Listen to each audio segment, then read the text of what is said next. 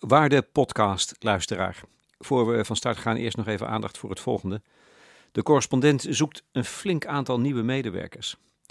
Is het jouw droom om een of andere rol te spelen voor ons platform voor constructieve journalistiek? Of ken je iemand die dat graag zou willen? Kijk dan even in onze vacaturebank of speel dit bericht door. decorrespondent.nl/slash vacatures. Doen hè? Anders wordt het stil. En dat is jammer.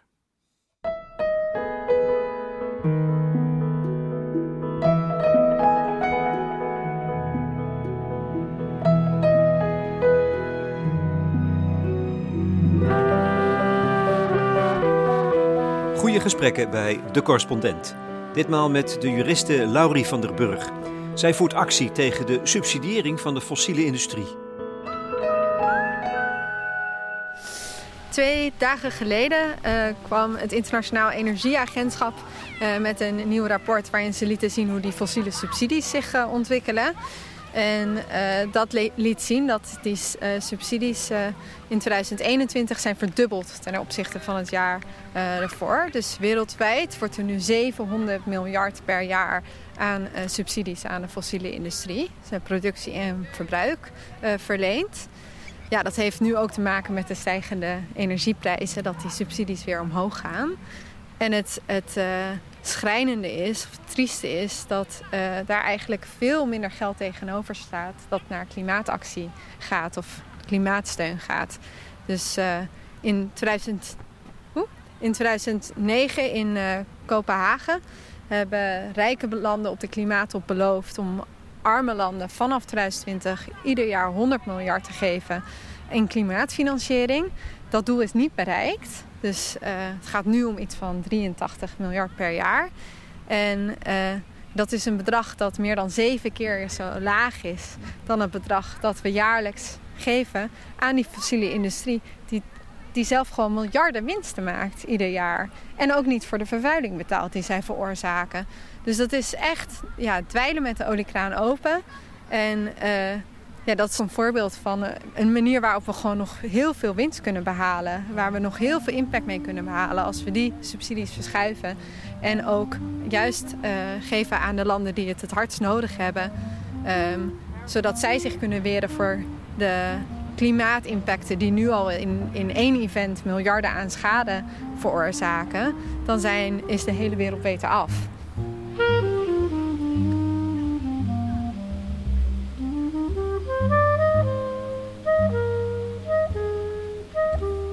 De tegenstand is gigantisch, de tegenstander onvoorstelbaar machtig. Big Oil, de fossiele industrie. Maar dat is niet iets waar Laurie van den Burg, activisten, zich door uit, het veld laat slaan. Ze is van huis uit juriste en werkte jarenlang bij Milieudefensie samen met de advocaat Roger Cox aan de befaamde aanklacht tegen Shell. De rechter gaf ze gelijk. Shell is in hoger beroep gegaan. Inmiddels is Van den Burg werkzaam voor Oil Change International, een internationale actiegroep die een concreet doel voor ogen heeft. En dat is Stop de wereldwijde enorme subsidiëring van de fossiele industrie. Dit is de vierde aflevering van een korte serie over energie. Wij hebben afgesproken in het Oosterpark in Amsterdam. Want Laurie wil wel even los van de computer. Zo ziet het moderne actievoeren eruit. Hier rennen kinderen rond met opdrachten van school. Ze zoeken een vos. Nee, dat zijn wij niet. Hoe is zij actievoerder geworden? Is dat uit een behoefte aan heroïek? Um, nou, nee. Uh, nee, ik. Uh, ja, in, ik weet nog dat ik toen ik 14 was voor het eerst leerde over klimaatverandering bij aardrijkskunde van mijn uh, leraar Teunis Bloothoofd in Lelystad. En um, ik, ja, ik. Wat vertelde die dan?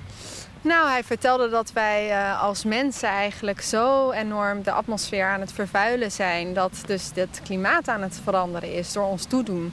En ik weet toch dat ik dacht, wat? Dat wij als, als, als mensen op deze grote aardbol zo'n uh, vervuiling veroorzaken dat uh, dat klimaat aan het veranderen is. Dat, ja, ik, kon, ik kon daar gewoon niet bij. En ik dacht, waarom is niet iedereen met de handen in het lucht buiten aan het rondrennen van paniek, we moeten hier iets aan doen.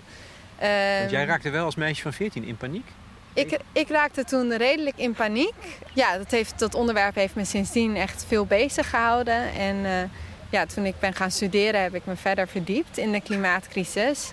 En daar kwam ik erachter achter hoe dit echt een ongelijkheidscrisis is. En hoe de mensen die het minst hebben gedaan om deze crisis te veroorzaken, er het hardst door worden geraakt.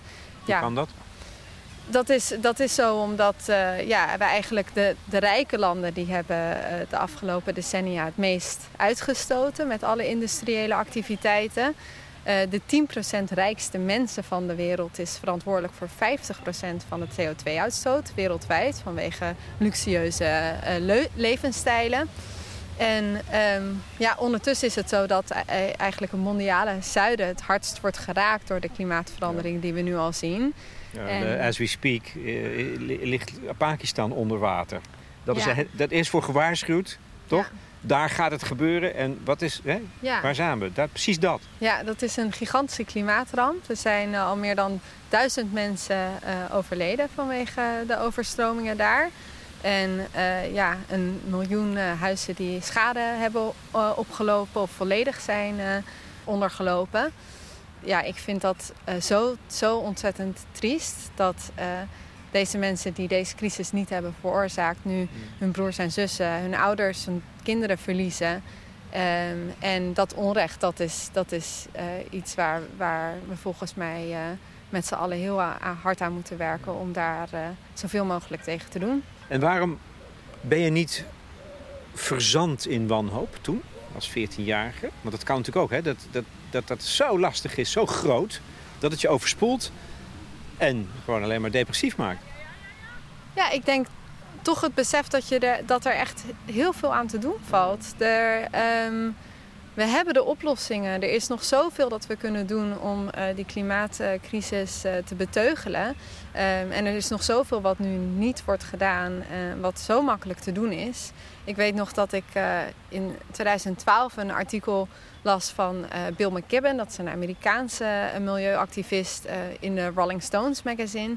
En hij schreef daar um, dat ja, overheden ieder jaar nog honderden miljarden aan subsidies verlenen voor de fossiele industrie. Terwijl er heel veel onderzoek bestaat dat laat zien dat als je die subsidies afschaft, je niet alleen het klimaat uh, uh, beschermt, maar ook dat de economie daar ook voordeel aan heeft, omdat die subsidies zo duur zijn en ook helemaal niet efficiënt zijn. Um, en ja, dat, dat soort dingen lieten bij mij zien van... oh, er, er valt hier zoveel te winnen. Um, er is je kon het, je kon het concreet maken, terug, terugbrengen tot concrete stappen. Ja, uh, ik, denk, ja ik denk dat dat uh, ja, toch de, daaraan bijdraagt dat, ik, dat, dat je toch dan in de actie schiet. En... Um, ja, dat is ook iets wat uh, Greta Thunberg ook zegt. Van, uh, zij wordt, er wordt natuurlijk vaak aan haar gevraagd van... Hey, ben je niet wanhopig? Hoe, ja. hoe blijf je hoopvol? En veel mensen zeggen... oh, ik ben hoopvol vanwege de, de nieuwe generatie. Die gaat het oplossen. Um, daar hebben we natuurlijk geen tijd voor om te wachten op die nieuwe generatie. Die, die oplossing moet er nu komen. Maar Greta Thunberg die zegt ook van de enige manier om, om hoopvol te zijn is door actie te ondernemen. Hoe klein die actie ook is. Als je iets doet, dat is wanneer je uh, je, je, je hoopvol kan blijven voelen. Dus, uh, en dat resoneert heel erg uh, bij mij. Ik, ik ervaar dat ook zo. Van, ook al weet ik dat het niet genoeg is, ook al behalen we één winst en ondertussen worden er twee stappen teruggedaan, dan is dat toch nog uh, winst. Als het gaat over de jongste generatie, jij bent nu 32. Je hebt hier in deze stad Amsterdam gestudeerd aan University College. Daar weet ik iets van, van de, de campus van, in, van Leiden. Dat zijn de excellente studenten. Het worden academisch geschoold. En dat is een knijter links bolwerk. In Leiden in ieder geval. Was het dat bij jou ook? Uh, nou, er waren wel veel linkse uh, studenten. Uh, ik denk dat Amsterdam als stad sowieso altijd ja. wel linkse studenten heeft aangetrokken.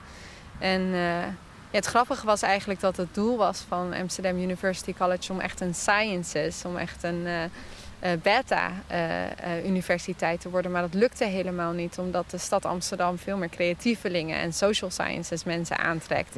Maar nee, wel veel, veel uh, linkse studenten die bezig zijn met ja, hoe kan, kunnen we de wereld eerlijker maken? Hoe kunnen ja.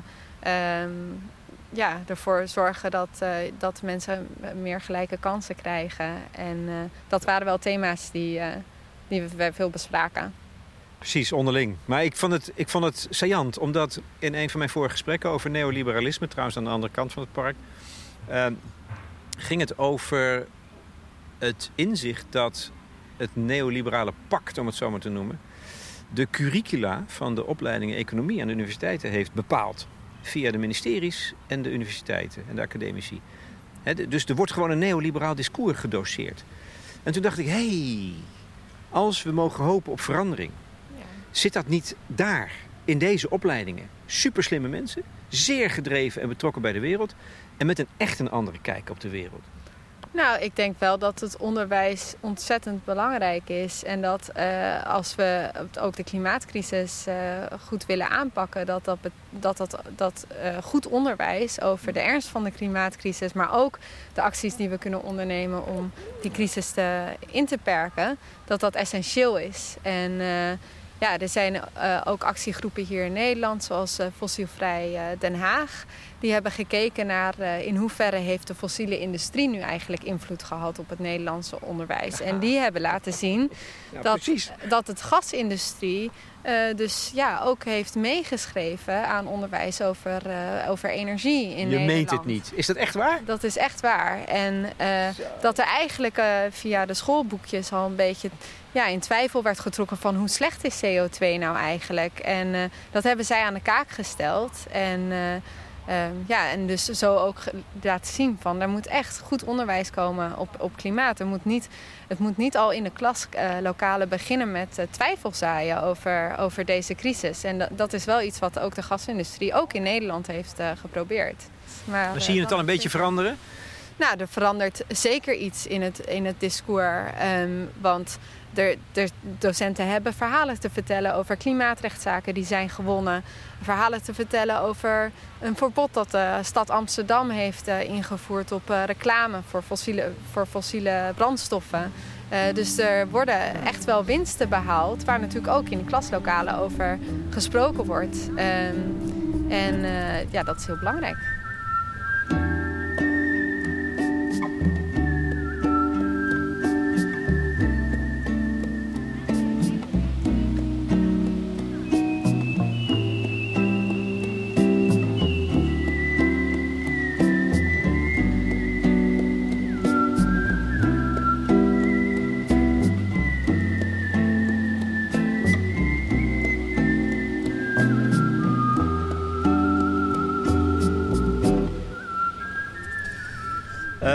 Oil Change International. Hoe ziet het werk eruit van deze activistische club? Um, nou, wij houden ons bezig met een uh, eerlijke afbouw van uh, de olie- en gasproductie in lijn met anderhalf graden. En als ik zeg eerlijke afbouw, dan gaat dat over dat uh, de rijke landen die daartoe de middelen hebben, het snelst die productie en het verbruik van fossiele brandstoffen afbouwen. Um, en dat de arme landen die moeten ook afbouwen. Die, we hebben geen tijd ook meer voor een groei in productie en gebruik daar. Maar dat die daarbij ook ondersteuning krijgen, uh, ook met financiële middelen. Um, en, uh, en ja, aan de andere kant van een eerlijke afbouw is dat ook de mensen die geraakt worden die, door die transitie, dus ook werknemers in de industrie, uh, ondersteuning krijgen en mogelijkheden krijgen om zich te herscholen of um, uh, of op andere manieren steun krijgen vanuit de staat om uh, die transitie goed te doormaken. Um, en uh, ja, waar we ons dus op richten is dat landen stoppen met het verlenen van vergunningen voor nieuwe olie- en gaswinning. stoppen met het subsidiëren van fossiele brandstoffen. En een plan maken voor, voor die eerlijke transitie, ook voor werknemers in de sector. Dat zijn eigenlijk ja, eisen of, of vragen die uh, voorheen een soort van taboe waren, waar niet over werd gesproken. Maar inmiddels zijn er een aantal landen die hebben gezegd: die klimaatcrisis die betekent feitelijk gezien dat we geen nieuwe olie- en gasvelden kunnen ontginnen. Betekent ook dat we, uh, als we de olie- en gaswinning en het verbruik van olie en gas willen afbouwen, dat we moeten stoppen met die subsidies. Dus er zijn nu een aantal landen die zeggen: we doen dat niet meer. We gaan geen uh, vergunningen meer verlenen voor olie en gas. En we gaan die subsidies voor fossiel afbouwen. Welke landen zijn er? Nou, in ehm, Glasgow vorig jaar in, op de klimaattop in Schotland is er een Beyond Oil and Gas Alliance gelanceerd. onder leiding van Costa Rica en Denemarken. En dat is een coalitie van landen die samen hebben afgesproken om te stoppen met het verlenen van nieuwe vergunningen voor olie en gas. Dat is één stap. Dat is één stap. Um, en op diezelfde klimaattop is er ook een ander initiatief gelanceerd. En dat is iets waar ik me de afgelopen twee jaar mee bezig heb gehouden. En dat is een afspraak waar Nederland zich ook bij heeft aangesloten. Om te stoppen met de internationale subsidies voor, voor fossiel. Um, dus, en dat was een groep van uh, eh, 39 landen en financiële instellingen die gezamenlijk verantwoordelijk zijn voor meer dan 28 miljard aan internationale financiering voor fossiele projecten ieder jaar. En die hebben gezegd we gaan per eind dit jaar, dus per eind 2022, stoppen met het verlenen van die steun. En we gaan die steun uh, verschuiven naar hernieuwbare energie. Ja, dat is een intentie, hè? Dat is, dat is een intentie. En uh, ja, we hebben ook gezien dat, um, dat de oorlog in Oekraïne um, en de gevolgen die dat heeft voor de energiemarkten, er nu ook voor zorgt dat, dat landen wel terugkrabbelen en zeggen: Oh, we hebben die steun nog wel nodig, want we moeten af van Russisch gas. En ehm, ja, Nederland is ook bezig geweest met uh, uh, beleid maken om, om uitvoering te geven aan deze belofte. En ja, er is nu een consultatie die daarover loopt. Um, en daarin wordt eigenlijk ook al ge ge gesuggereerd van kunnen we niet dat die deadline nog even uitstellen en projecten die dit jaar um, uh, al op de lijst staan om goed gekeurd te worden, dat die dan nog volgend jaar nog wel wat doorleeptijd hebben om nog goed gekeurd te worden. Misschien kom ik daar nog even zo op terug op de invloed van de oorlog. Want die is uh, onvoorzien en, en uh, gooit op allerlei mogelijke manieren roet in het eten. Mm -hmm. Dat is eigenlijk een beetje een apart fase. Even nog voordat dat begon en zelfs voor COVID denk ik... helder krijgen wat jullie dan, hoe jullie dat dan proberen aan te pakken. Want het gaat dus om krankzinnige bedragen. Ik las een Twitterbericht van Ingrid Robijns. We kunnen ook stoppen met de grootverbruikers van fossiele brandstoffen jaarlijks. Nou moet ik een getal 17.500 miljoen, dat is 17 miljard, geloof ik hè? Jij spreekt over veel meer miljard nog. Aan belastingvrijstellingen te geven. Probleem opgelost. Ja. Dus, dus, dus als je het hebt over subsidiëring, dat is wel goed om te weten. Dan zitten die in de vorm van belastingvrijstellingen. Ja, dus uh, um, als je kijkt naar de officiële definitie van een subsidie, kun je bijvoorbeeld naar een verdrag van de Wereldhandelsorganisatie uh, gaan. Dan, uh, dan omvat dat directe subsidiëring, dus ja. directe subsidies die worden verleend, maar ook belastingkortingen zijn in feite een vorm van subsidiëring. Uh, maar je kan dus ook internationale publieke financiering daartoe rekenen. En zelfs ook een deel van de investeringen die door staatsbedrijven, zoals in Nederland Energiebeheer ne uh, Beheer Nederland, wordt, worden gedaan. Um, en ja, die subsidies, die subsidies die zijn toren, toren hoog. Er zijn lijsten aan beloftes die landen hebben gemaakt om die subsidies af te schaffen. Uh, Nederland heeft ook al in 2013 in EU-verband gezegd van we gaan stoppen met het verlenen van die subsidies. Um, en toch uh, blijven die nog doorgaan. er zijn verschillende schattingen. Dat hangt dus af van wat je wel en niet meerekent. Maar de bottom line is, die subsidies die zijn gigantisch. Die gaan naar fossiel terwijl we fossiel moeten afbouwen. Um, en uh, ja, onderzoek wat dat is uitgevoerd door onszelf, maar ook bijvoorbeeld door uh, de OESO e laat zien dat het afschaffen van die subsidies zoveel voordelen heeft ja. voor de economie, voor onze gezondheid, voor het klimaat. En ook dat je dus uh, dat vrijgemaakte geld dan kan gebruiken uh, bijvoorbeeld voor sociale vangnetten. Zodat als de energierekening dan omhoog gaat, um, huishoudens daar ook een sociaal vangnet hebben. Eén, ik, ik, ik, mijn eerste vraag is, Waarom krijgt die industrie überhaupt die subsidiëring? Hebben ze dat nodig? Nou, ze hebben het uh, zeker niet nodig. Um, uh, en zeker op het moment niet. Uh, want vanwege de oorlog in Oekraïne nu zijn de energieprijzen zo... en ook vanwege een aantal andere zaken... maar dat dat is één factor die um, dat ervoor zorgt dat de energieprijzen nu zo torenhoog zijn dat de industrie nu gigantische winst aan het maken is. Dus, um, ja, hoe absurd. Ja, dus Shell bijvoorbeeld die heeft uh, zijn winst vorig jaar verviervoudigd ten, ten opzichte van het jaar daarvoor. Um, en uh, ja, de, een van de redenen dat de industrie deze subsidies uh, heeft, is omdat uh, het een enorm sterke lobby heeft en ze zelf uh, zorgen dat ze die subsidies krijgen. Um, ja, maar, maar met, met welk argument dan toch? Ja, de, het argument die wordt gebruikt is de concurrentiepositie van de Nederlandse industrie, de betaalbaarheid van de energie. Um, energiezekerheid zijn argumenten die worden aangehaald.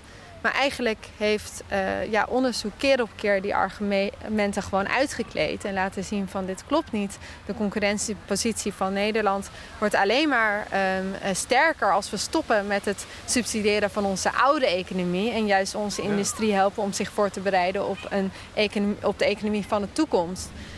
Um, maar die, ja, die, dat zijn eigenlijk neoliberale argumenten die heel hardnekkig zijn.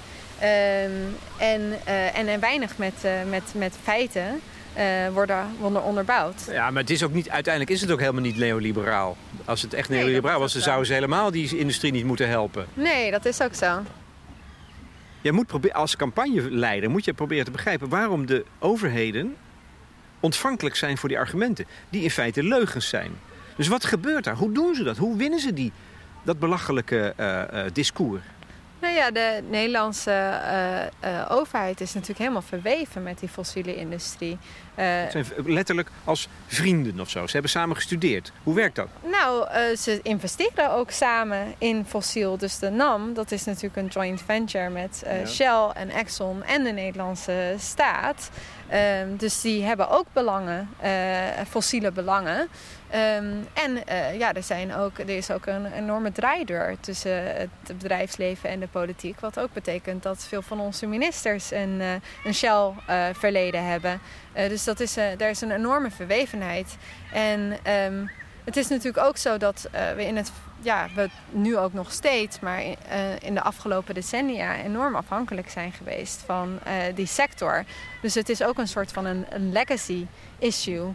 Um, dat ons huidige systeem is nog zo afhankelijk van, van fossiel, dat, uh, dat uh, ja, zij toch een hele sterke stem uh, hebben in Den Haag. En ja, en uh, ja, daar ook met een soort van angstverhalen komen van als we deze subsidies stopzetten, dan, uh, dan verliezen we banen, dan, uh, dan, dan verliezen we inkomsten.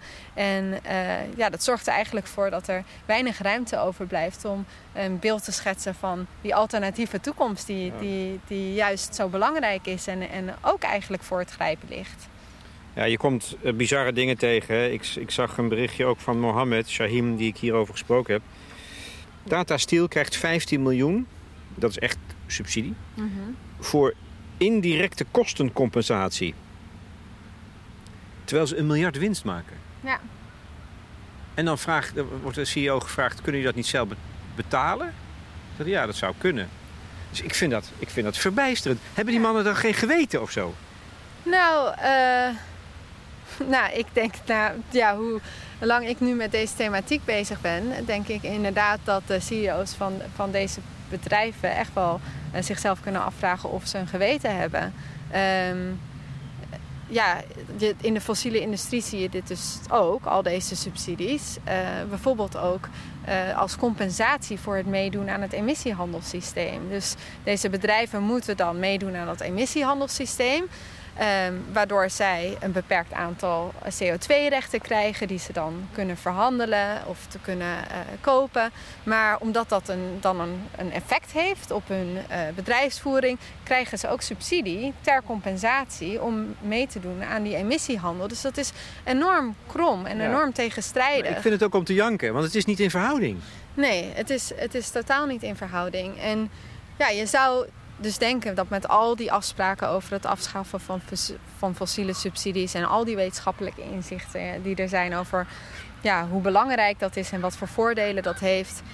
Um, en ook uh, ja, het geld dat dat vrijmaakt, wat we ja. dan weer kunnen insteken in de transitie. dat, dat, toch wel, dat daar toch wel wat vooruitgang op wordt geboekt. Maar ja, wat we nu eigenlijk zien met, uh, om toch weer even terug te komen op de oorlog in Oekraïne, is dat een van de eerste reflexen van de Nederlandse regering was: we verlagen de energiebelasting, we um, verlagen de accijns op benzine, uh, we verlagen de BTW op, uh, op energie. En um, dat, is, dat is eigenlijk een nieuwe vorm van weer een nieuwe subsidie voor die industrie. En uh, het is natuurlijk ont... want, want die worden gematst en niet de huishoudens. Nou, het idee is dat de huishoudens hiermee worden gematst. En het is natuurlijk ook ontzettend belangrijk dat huishoudens nu steun krijgen voor, bij het betalen van hun energierekeningen. Want die zijn nu ook onbetaalbaar. Um, maar in de praktijk is, is het zo dat de rijkste houdens eigenlijk het meest profiteren van deze subsidies, omdat zij het meeste energie verbruiken. En ook dit soort maatregelen geen energiebesparing, niet uh, ja, aanmoedigen tot energiebesparing. Dus je hebt andere maatregelen die veel effectiever zijn in zowel het aanpakken van die hoge rekening als ervoor zorgen dat er ook energiebesparingen komen.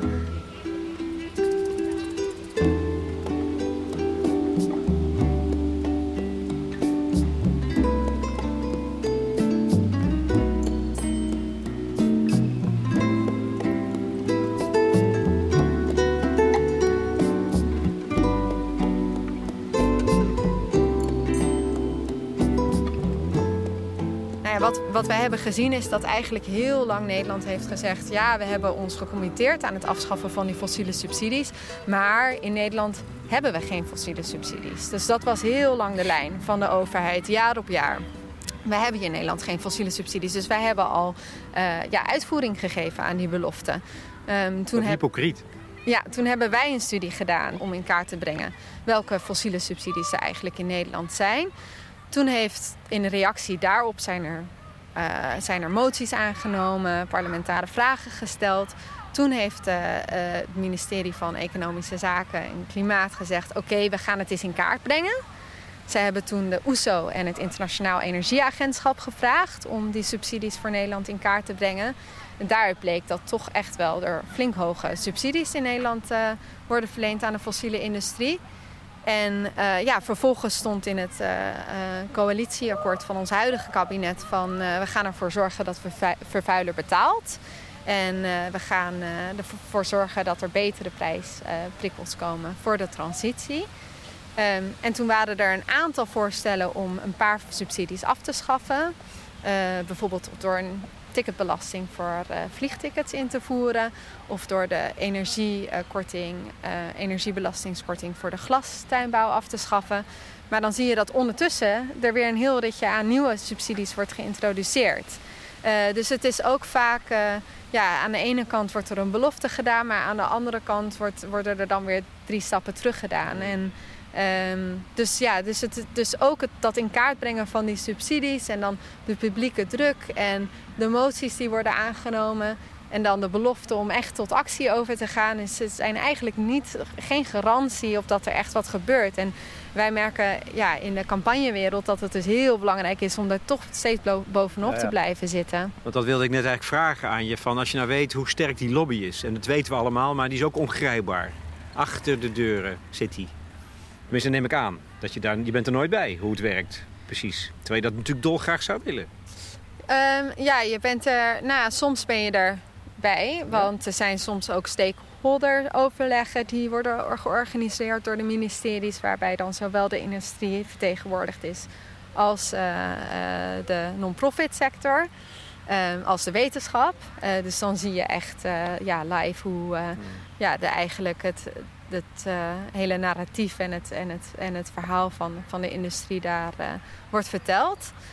Um, maar uh, ja, en we kunnen ook wel deels in kaart brengen van hoe groot die lobby is. Want op de EU-niveau is er best wel sterke regulatie. Het is wel zo dat bijvoorbeeld sinds het, dat er onderzoek is dat laat zien dat sinds het Parijsakkoord is gesloten, Shell bijvoorbeeld 200 miljoen euro heeft uitgegeven aan lobby om uh, klimaatbeleid te vertragen of te ondermijnen. Dus er zijn heel wat studies die uh, die, die lobbying echt in, duidelijk in kaart brengen. Wat kunnen jullie nou doen? He, wat strategisch gesproken, als je weet hoe sterk het is en je bent zelf met, met een kleine club. Je hebt taal. Wat heb je? Uh, ja, publieke druk. Dat is denk ik het, het belangrijkst. Uh, ja, voordat ik eigenlijk uh, de campagnewereld inging, werkte ik in onderzoek. Uh, toen zat ik in, in Londen, daar deed ik onderzoek naar fossiele subsidies. En toen realiseerde ik me al gauw van we kunnen alle, alle uh, wetenschappelijke argumenten aan onze kant hebben staan. We kunnen het nog zo uh, duidelijk maken voor de overheden welke stappen ze kunnen nemen om, om actie te ondernemen. Um, en hoe ze daarvan profiteren. Maar toch is dat niet genoeg om actie af te dwingen. Um, vanwege die eigen, ijzersterke lobby en vanwege de belangen. Het is, het is geen economisch probleem, dit is een politiek probleem. Ja. Um, en dus ja, toen ja, ben ik, heb ik de overstap gemaakt naar uh, uh, campagne voeren. Omdat ik zag, we hebben die publieke druk nodig om tegenwicht te bieden aan die macht van de fossiele industrie. En je hebt ook goede taal nodig, denk ik dan. Ja, zeker. Dus uh, toen we aan die klimaatzaak werkten, waren we natuurlijk heel lang bezig met die ellenlange dagvaarding. Uh, waarin we alle wetenschappelijke argumenten op een rijtje zetten. Um, en alle juridische argumenten op een rijtje zetten om de rechter uh, zo goed mogelijk te overtuigen. En toen is er een, uh, een duo uh, van theatermakers met die, met die dagvaarding aan de hal. Anouk Nuyens en uh, Rebecca de Wit. Ja, die waren toch al in het theater bezig met die zaak, volgens mij. Ja, die hebben dus toen de theater... de zaak Shell hebben zij gemaakt. De zaak Shell gemaakt. Ja. En ik zat daar in die zaal en ja, toen... Dat, dat, ik was um, toen ook zo verbijsterd hoe zij door ja, dat theater als kunstvorm te gebruiken, dat verhaal van die zaak weer op zo'n andere manier konden neerzetten. Met veel meer emotie dan wij kwijt konden in die dagvaarding. En met perspectiefwisselingen. En de perspectiefwisselingen. En um, ja, dan, dan zie je toch hoe krachtig zo storytelling of het verhalen vertellen uh, kan zijn om uh, ja, echt uh, bij mensen het kwartje te doen laten vallen. En echt mensen ja, te activeren op, uh, op dit, deze problematiek. Ik zag ook een mooi voorbeeld nog. G7 kiest ervoor om de zakken van de fossiele gasindustrie te vullen ten koste van mensenlevens. Ja, dat vind heb ik, een... ik dat gezegd? Nou, weet ik niet meer. ik, ik, weet niet meer waar die vandaan komt, maar ik heb hem ergens gelezen. Ja. Um, en dat is naar aanleiding van uh, 28 juni 2022. Ja. Toen hebben de G7-landen een akkoord verzwakt. Een akkoord van hun eigen milieuministers, notabene... om voor het einde van het jaar te stoppen Klopt. met het financieren van fossiele brandstoffen. Het gaat om drie, inmiddels alweer 33 biljoen dollar aan subsidie. Dus nu raken we aan het, aan het effect van de oorlog. Dat is echt, ook voor jullie strijd denk ik wel... een, een hele lastige en gemene uh, stoorzender geworden. Ja, um... Ja, dus we hadden in uh, Glasgow vorig jaar boekten we best een grote ja. overwinning. Voor het eerst dat uh, landen internationaal een akkoord bereikten of een afspraak maakten om te stoppen niet alleen met het financieren van kolen, maar ook van olie en gas. Um, en uh, ja, toen zagen we eigenlijk van, oh, dit zijn nu eigenlijk bijna alle G7-landen die dit hebben ondertekend, behalve Japan. Dus toen hebben we onze energie gericht op op uh, de G7. Om ervoor te zorgen dat die afspraak ook daar zou komen te liggen. En in mei bij, met de milieuministers ministers is het toen gelukt om Japan mee te krijgen. Dat hadden we echt niet uh, verwacht dat dat, dat dat zou lukken. Want Japan is een grote speler op dit gebied. Ja, en, die, en Japan die ligt uh, graag dwars als het gaat om deze thema's. Um, dus dat was echt een, ja, ook een belangrijke overwinning. En vervolgens uh, in, in juni bij de uh, G7, bij de top, um, ja, zagen we dat eigenlijk Duitsland uh, met name zich inzette om die, die afspraak te verzwakken. En om meer ruimte te creëren voor investeringen in gas vanwege de um, oorlog in Oekraïne. Um, en, dus opnieuw weer infrastructuur te bouwen, notabene. Om opnieuw weer infrastructuur te bouwen. En ja, dat is, ja, dat is echt, dat, ja, dat dreigt echt roet in, het, in uh, de ogen te gooien. Van uh, het roet in het eten nee, te gooien. Ik vind nog veel mooier. Gooi het maar roet in hun ogen. Roet in de ogen. In hun ogen dan vooral. Ja, nee, dat dreigt echt roet in het eten te gooien van, van, van de, die hele urgente klimaatactie die we nodig hebben.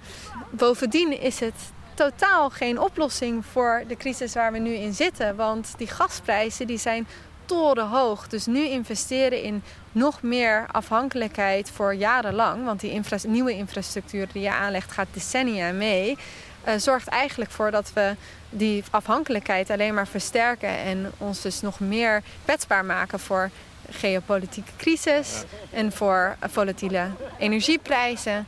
Um, uh, dus ja, dat is ook wat het hoofd van het Internationaal Energieagentschap nu zegt. Is, ja, de enige langdurige oplossing die we hebben is nu investeren in hernieuwbare energie, in zon, in wind. En dat is ook de beste manier om die energieprijzen weer omlaag te krijgen. Niet, niet die productie van gas alleen maar verleggen. We moeten energie besparen en we moeten ons volledig inzetten op, uh, op, op zon en wind. Uh, maar als het gaat om energiebesparende maatregelen, vraagt Job Jette, uh, Rob Jette of we misschien de thermostaat in maart een graadje lager kunnen zetten. En ja, ondertussen in, in Duitsland hebben ze een experiment gedaan met drie maanden um, publieke transport voor 9 euro per maand. Uh, wat ontzettend daar het verbruik van, van energie omlaag heeft weten te brengen. Ja, heeft, dat heeft dat gewerkt? Ja, die treinen, die treinen zaten bomvol. Dat was bijna niet meer te harde om met de trein naar Berlijn te reizen. Maar... Ja, nee, dat heeft 1,8 miljoen ton aan CO2 bespaard. Oké, okay. um, dat is dan wel de winst dus. Ja. Dat is wel de winst. En ook in Spanje heeft de regering nu gezegd... Uh, uh, we gaan uh, bedrijven verplichten om de airco op maximaal 27 graden te zetten... en om straks de verwarming op maximaal 19 graden te, te zetten. Okay. En ja, ook de Nederlandse Vereniging voor Duurzame Energie heeft in kaart gebracht dat we nog zoveel te winnen hebben als het gaat om energiebesparing. En dat is echt waar de, de energie nu naartoe moet. Nunca vas a comprender que yo te quise. Nunca vas a comprender como lo hice. Tú me hablabas del amor, de eso tan bello. Te faltó por demostrar que eras capaz de vivir aquello, pero no te olvides, por favor.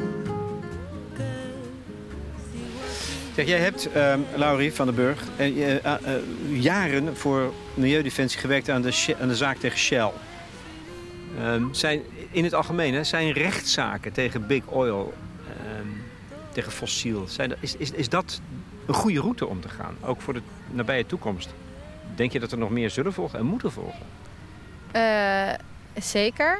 Uh, ik denk dat uh, we zeker jullie, uh, ja, um, de grote olie- en gasbedrijven juridisch verantwoordelijk moeten houden en ter verantwoording moeten roepen. Want ik heb gezien dat afgelopen decennia met het uh, samen om tafel zitten en het polderen er gewoon geen beweging is gekomen. Dus uh, daar is juridische druk nodig om, om die bedrijven echt in beweging te krijgen. Ik denk ook bestuurdersaansprakelijkheid. Dus uh, als ja, het, het bedrijf als um, als bedrijf wordt aangeklaagd, als dat niet leidt tot uh, verandering, dan, uh, dan moeten we kijken naar de bestuurders. Want die hebben uiteindelijk de eindverantwoordelijkheid voor zo'n bedrijf. Dus ik denk dat dat een, uh, juridische weg een heel belangrijke route is. En ik denk dat we die ook steeds meer zullen zien in de context van financiële stromen. Dus dat ook de banken en ook overheden die subsidies verlenen aan de fossiele industrie eh, te maken, steeds meer te maken zullen gaan krijgen met rechtszaken uh, die, uh, ja, waarin ze eigenlijk ja, worden um, ter verantwoording worden geroepen voor die investeringen. Want je hebt het steeds over druk uitoefenen hè, op overheden de, via de, het publieke debat, denk ik. Maar dat, dat is, dan heb je zo'n rechtszaak, denk ik, als een heel erg slim en handig en publicitair interessant instrument om die druk op te voeren.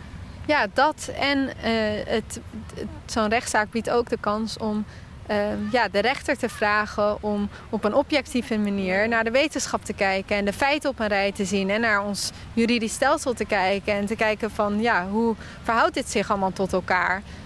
Um, uh, dus in ja, we zien dat in de kranten en in, uh, op de televisie. Kan, in het theater. In, kan er van alles worden geroepen. Uh, ik, Shell die kan zeggen, oh wij uh, compenseren onze uitstoot door bomen te planten. Dus we rijden CO2-neutraal. Um, ehm, ja, er is van allerlei misleiding in die, waar wij continu aan worden blootgesteld. Um, en in de rechtszaak, in, in, in, een, in een rechtszaal, is het niet mogelijk voor Shell om te zeggen: Oh, uh, we doen dit, maar ondertussen doen ze iets anders. Dus daar komen de feiten echt op tafel en worden die door een onafhankelijk orgaan getoetst. Ik zou wel zeggen dat dus die juridische route is een heel belangrijk en, belangrijk en die hebben we nodig en die moeten we nog veel meer gaan gebruiken. Maar het is niet de enige route. We hebben ook mensen nodig die zich organiseren en energiecoöperatieven oprichten. We hebben ook mensen nodig um, die uh, ook binnen bedrijven zich bezighouden met verduurzamen. We hebben ook mensen nodig die de straat op gaan en een weg gaan blokkeren. Om zo uh, aandacht te vragen voor de crisis waar we in zitten. Dus het is uh, niet een. dit is de juiste strategie. We hebben alle strategieën tegelijk nodig. En ehm, als je het hebt over nieuwe initiatieven, andere initiatieven. Ik denk dat het ook fijn is, Laurie, om in ieder geval ook een aantal goede dingen te benoemen. Weet je, de balans slaat uh, uh, vaak om naar negatieve, de stroperigheid. Hè? De, die oorlog die nu weer vertragend werkt. Of, waardoor we weer stappen terugzetten. Maar er gebeurt ook heel veel goed. Ik denk dat het fijn is om ook een paar van die goede dingen te noemen. Zijn er bijvoorbeeld um, grassroots initiatieven rond energie? Waarvan je denkt, ja, dat is zo fantastisch. Noem maar iets. Ja, je hebt uh, nu hier in uh, Amsterdam uh, de Fixbrigade. Dat is een initiatief die zich bezighoudt met het isoleren van woningen. En ze richten zich daar dan vooral op huishoudens die ja, een kleinere portemonnee hebben. En werken dan ook mensen, met mensen die minder goed toegang hebben tot, tot de arbeidssector of minder goed werk kunnen vinden. Ook nog eens heel erg sociaal gedreven. Ja, dus dat is een sociaal gedreven initiatief dat de milieuproblematiek aanpakt en ook zorgt voor geldbesparing. Uh, dus dat, dat is iets wat nog op veel grotere schaal uitgerold kan worden. Dat is een ja, heel positief initiatief. Um, en zo zijn er nog uh, honderden andere. Kijk maar naar de duurzame 100 uh, eh, van de, van de trouw ieder, ieder jaar. En als jij denkt aan het, wat je het meest succesvol vindt of het mooist wat er gebeurt, positief, wat zijn dat dan voor dingen? Nou, dus ook wel die, uh, die uh, juridische route. Dus we zien echt een gigantische groei in het aantal klimaatrechtszaken wat wordt aangespannen. En ook het aantal rechtszaken dat wordt gewonnen. Dus daar wordt winst behaald. Um, er worden nu ook uh, door verschillende steden um, verboden ingevoerd op fossiele reclame. Dus daar zit, zit momentum. Dat, daar zien we steeds meer gebeuren. Um, en in Nederland uh, uh, ja, gaat er nu ook worden geëxperimenteerd met een burgerberaad. Wat oh natuurlijk ook uh, kan zorgen voor een veel democratischere aan, aanpak van, van deze problematiek. En dat was ook een initiatief die vanuit de grassroots eigenlijk okay. ja. ja. is, is, is opgezet. En nu dus ook bij de Nederlandse regering ligt. Um, en dat, dat zijn echt wel ja, dingen waar ik energie uit haal en waar ik zie van, oh, daar zit daar zit de oplossing en, en die kant moeten we op.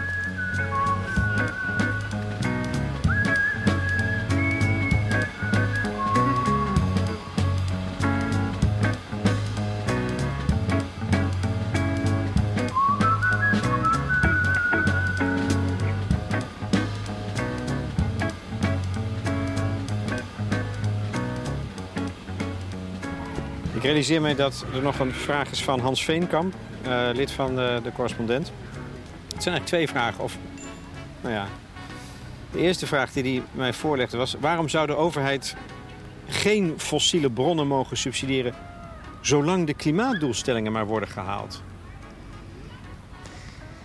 Um, nou ja, eh, de vraag is natuurlijk ook hoe definieer je die klimaatdoelstelling? Want als je het hebt over anderhalf graden, wij zitten nu niet... Uh, we zijn nu niet en route om onder die anderhalf graden te blijven. Terwijl we nu al met 1,2 graden in een diepe crisis, klimaatcrisis zitten. Dus, um, uh, dus daar is, ja, veel meer voor nodig om die, om die olie- en gasproductie en gebruik omlaag te brengen. Het is een illusie om te denken dat je nog wel een tijdje wel toe kunt met fossiele brandstoffen. Ja, precies. Het VN heeft ook in kaart gebracht dat nu in de komende tien jaar die productie al uh, ieder jaar uh, met 6% omlaag moet. Terwijl we nu nog ieder jaar uh, eh, 2% meer produceren. Dus, um, ja, dus dat is, dat is ja, eigenlijk een, inderdaad een illusie om te zeggen van oh, we zijn wel goed bezig. Dat, we zijn er nog niet. En uh, ja, fossiel is verantwoordelijk voor 86% van de CO2-uitstoot in de afgelopen 10 jaar. Dus als we niet dit probleem bij de bron aanpakken um, en uh, dat afbouwen, dan is het gewoon dweilen met de, dweilen met de oliekraan open. Nou, ik had hem nog even gevraagd. Ik, ik snapte zijn vraag niet helemaal. En ik had vermoeden dat er iets anders aan de hand was. toen kwam hij met een, een achterliggend vermoeden dat voor een activist alles, zelfs vrijheid van onderdrukking, ondergeschikt kan zijn aan het gekozen doel van beperken van klimaatopwarming. Met andere woorden, uh, hoe ver ga je? Hoe ver mag jij gaan in de strijd? Uh, mag je ook vrijheden opofferen? Of, of ben je daartoe bereid? Nou, dat, dat, is eigenlijk de, de vraag.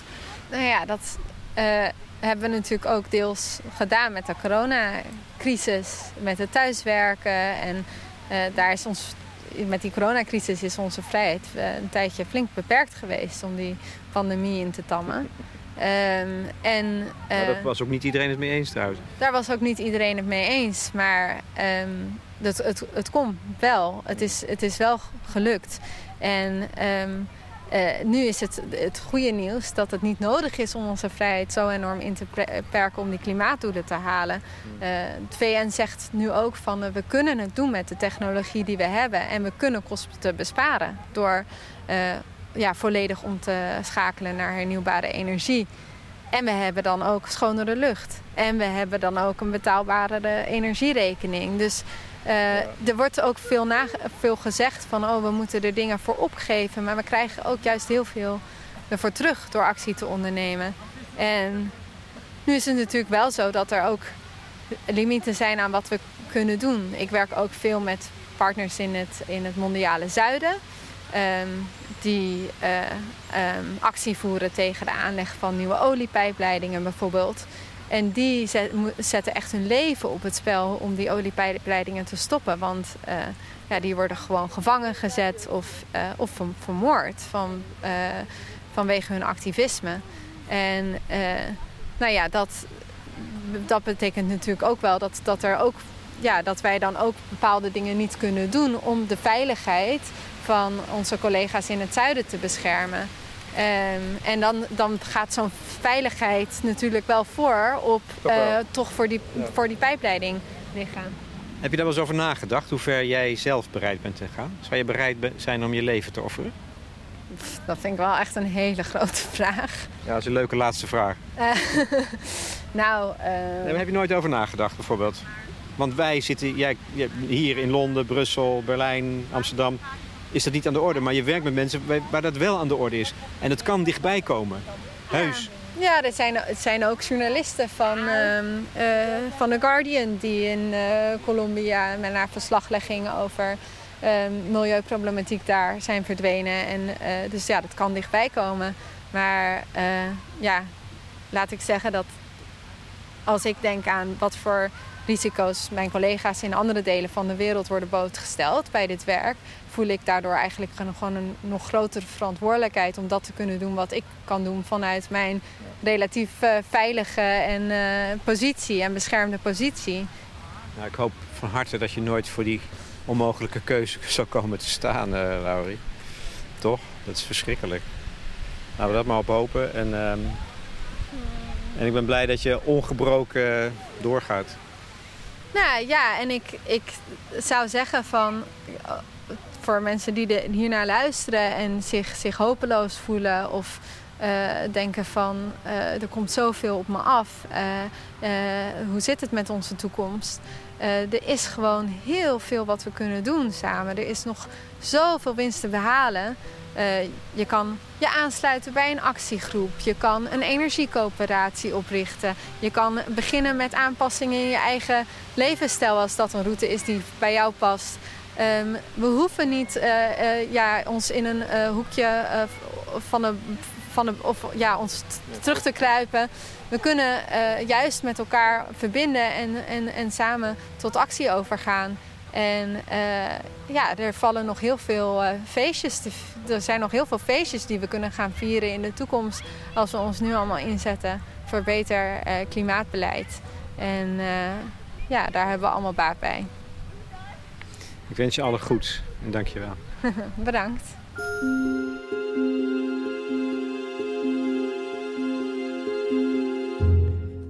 Laurie van der Burg, campagneleider bij Oil Change International, in gesprek met Lex Bolmeijer voor de correspondent.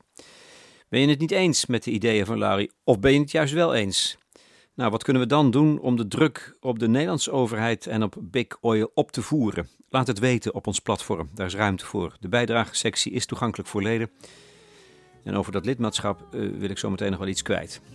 De muziek tenslotte, opmerkelijk laid back, allemaal favorieten van, van de Burg. Er spreekt uh, behoefte uit om te ontspannen. Met Molly Lewis, Miracle Fruit, Nicolas Godin en het liedje van Rita Payés, Nunca vas a comprender.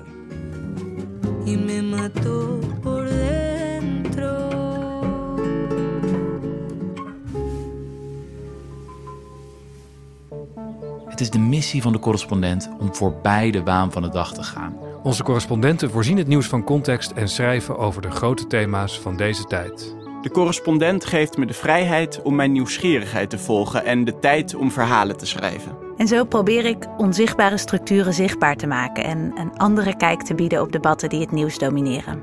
Dan gaat het minder over het spelletje en veel meer over wat er op het spel staat. Vanaf dag 1 zijn onze artikelen, boeken en podcasts gefinancierd door onze leden. Volg ons op onze journalistieke zoektocht. Overweeg eens lid te worden van de correspondent. En maak daarmee samen met ruim 70.000 anderen onze onafhankelijke journalistiek mogelijk. Dus word lid van de correspondent. Ja. Word lid. Word lid.